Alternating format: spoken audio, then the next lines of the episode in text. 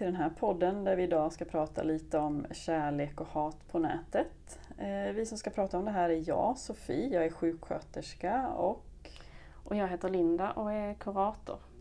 Och vi lever ju en stor del av vårt liv på nätet idag. Eh, mycket som händer där, kontakt med kompisar, eh, skola, underhållning, söka information, kontakt med vården, allt möjligt. Ja, definitivt. Det är mycket, mycket som händer i våra telefoner mm. hela tiden.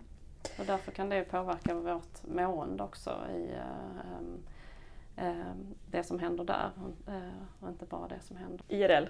IRL, precis. Nej. Nej. men precis, alltså både positivt och negativt tänker jag. Ja. Alltså det kan vara mycket som händer på nätet som har positivt för en, man kan få nya kompisar men också kränkande eller elaka saker som gör att man faktiskt mår dåligt. Mm. Mm. Så vi tänker väl gå igenom lite vad man kan tänka på. Mm. Och vad man kan göra eventuellt om, om någonting händer och vilken hjälp man kan få. Ja. Jag tänker att det är ju um, regel nummer ett, um, var snäll uh, när du är i kontakt med andra på nätet. Det, uh, du skulle nog bli lika ledsen Sofie om jag skrev något uh, elakt uh, om dig på Facebook som om jag skulle säga det face to face. Um, Definitivt. Ja. Ja, så verkligen. det är viktigt att tänka på att vara snäll. Det gör lika ont i skrift som i tal. Mm, det, det, låter ganska självklart men det är ganska lätt när man sitter bakom en skärm där man inte syns att skriva elaka saker. Det är mycket lättare att göra det än att göra det ansikte mot ansikte. Men att ta emot det gör ju lika ont som om du skulle säga det rakt ut till mig här i rummet. Så mm. det kan vara viktigt att tänka på det. Skulle du själv ta upp av det du skriver så borde du kanske inte skriva det. Ja.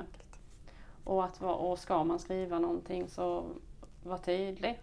Det mm. blir lätt missförstånd, eller lättare missförstånd kanske när man inte kan se ansiktet och ansiktsmimik och något sådär. Så det är bra att använda emojis och eh, ja, att vara tydlig med vad man menar. Ja men precis, ja, men lite som jag som gillar sarkasm. Det är väldigt svårt att få ut i skrift. Det kan vara viktigt att tänka på. Mm. Så blir det rätt missförstånd. Sen finns det ju så oerhört mycket information eh, på nätet också. Det är oftast eh, dit vi vänder oss om vi vill ta reda på någonting. Eh, eh, men det är tyvärr inte allt som är, som är sant eller så. Så det är viktigt att vara kritisk också till, till, eh, till allt man eh, läser. Och hör. Och hör ja. Mm, jag tänker bara som alltså influencers och bloggare och allting. Vissa av dem får ju faktiskt betalt för att säga vissa grejer. Att man mm. tänker på vad sanningen här och vad får de betalt för att säga till exempel. Eh, och det är väldigt lätt som sagt att skriva eh, saker utan att ha belägg för dem. Källkritik helt enkelt. Mm. Kanske lite tråkigt men oerhört viktigt. Sen kan ju jag välja vad jag lämnar ut för information eh, eh om mig själv på olika sociala medier till exempel. och sådär. Men, eh, men jag kan inte lämna ut vilken information som helst om dig till exempel. Eh, utan Nej. det eh, måste jag kolla eh, med dig. Är det okej okay att jag lägger ut den här bilden där du är med eller skriver det här om dig eller så. Mm, precis, samtycke. Absolut. Mm. Och likadant om man vidarebefordrar information som man hittar. Att man är säker på att den stämmer innan man själv skickar vidare den informationen. Framförallt om det gäller andra personer som sagt. Ja, mm. precis. Mm.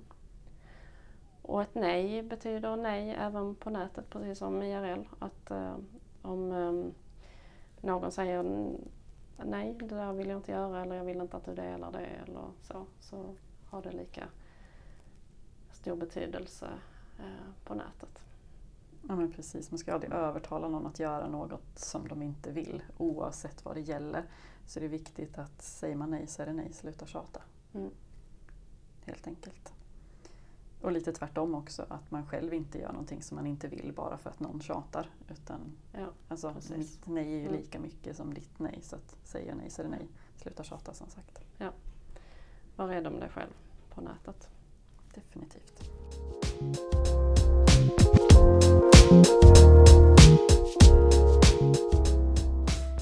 Men om det nu skulle vara så mot förmodan att någon, eh, att någon faktiskt sprider eh, Eh, bilder till exempel mot eh, din vilja, vad kan man göra då?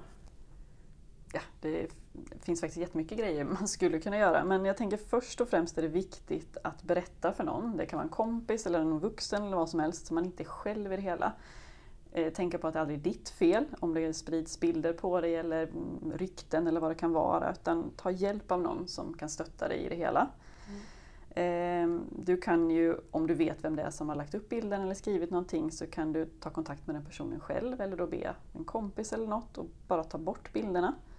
Ibland kanske det är ett missförstånd, det kanske inte alls var meningen, men känns det inte okej okay för dig så ska de ändå tas bort. Det är ju så det är. Mm, mm.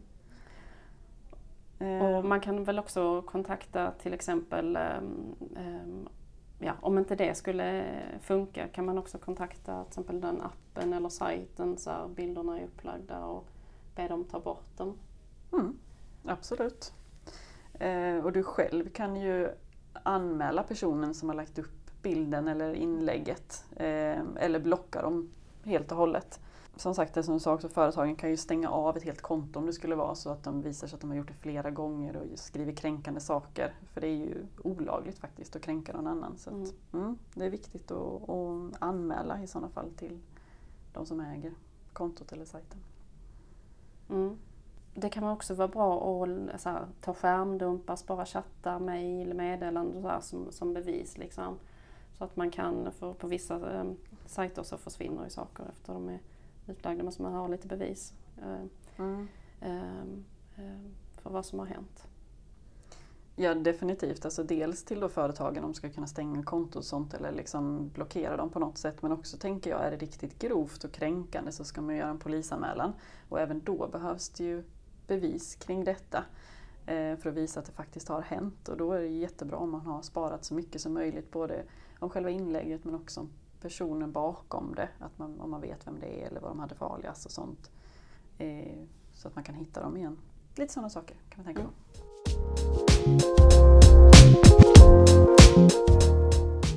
Okej, så nu har vi pratat lite om vad man kan göra om man blir utsatt, på någonting, eh, utsatt för någonting på nätet, rent praktiskt, anmälan och sådär. Men måendet, alltså jag tänker att man måste ju ändå påverkas av det som har hänt. Vad tänker vi om det?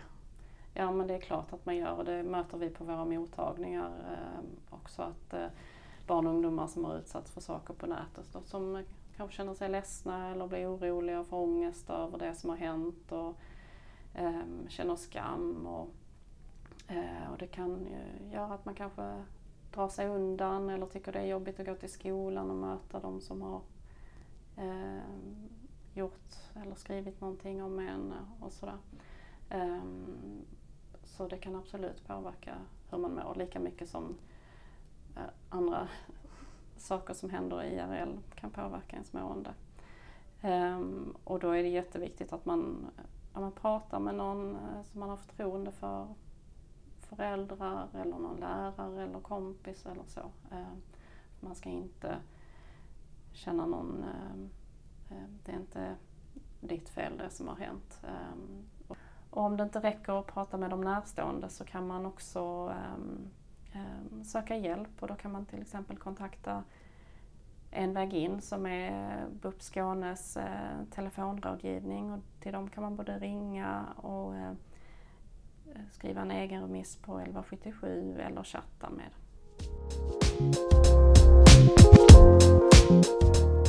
Ja, nu har vi pratat en del om det som kan vara svårt eller jobbigt på nätet, men det finns ju såklart mycket fördelar också.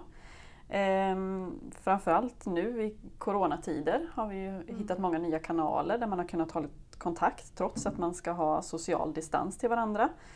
Ehm, ja, men både till kompisar i skolan som man inte fick träffa längre när det blev distansundervisning, men till far och morföräldrar.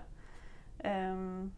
Ja men precis, vi har upptäckt många nya sätt att och hålla kontakt med varandra ehm, som har varit bra.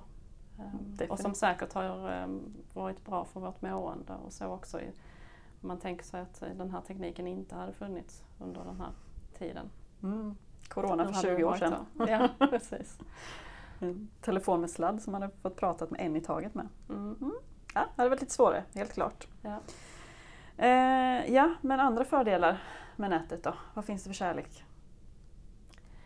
Ja men man kan ju träffa andra kompisar än bara de man kanske går i skolan eller i klassen med så att får, man får liksom um, andra vägar till att hitta vänner och så tänker jag också. Um, och att det, det, här att man kan, att det kan vara lite anonymt eller att skriva saker och så kan vara lättare. Um, snälla saker då. Men att uh, ibland än att säga sådär, att jag gillar dig face mm. to face. Absolut, det är väl ja. klart det. Jag tänker det är lättare att hitta andra personer med samma intresse som mig också.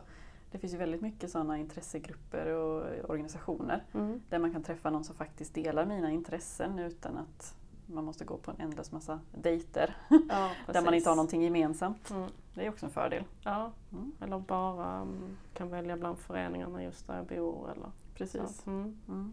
Nätet ger oss alltså väldigt många bra sätt att hålla kontakt med både nära och kära, alltså både de som är nära oss men även långt bort.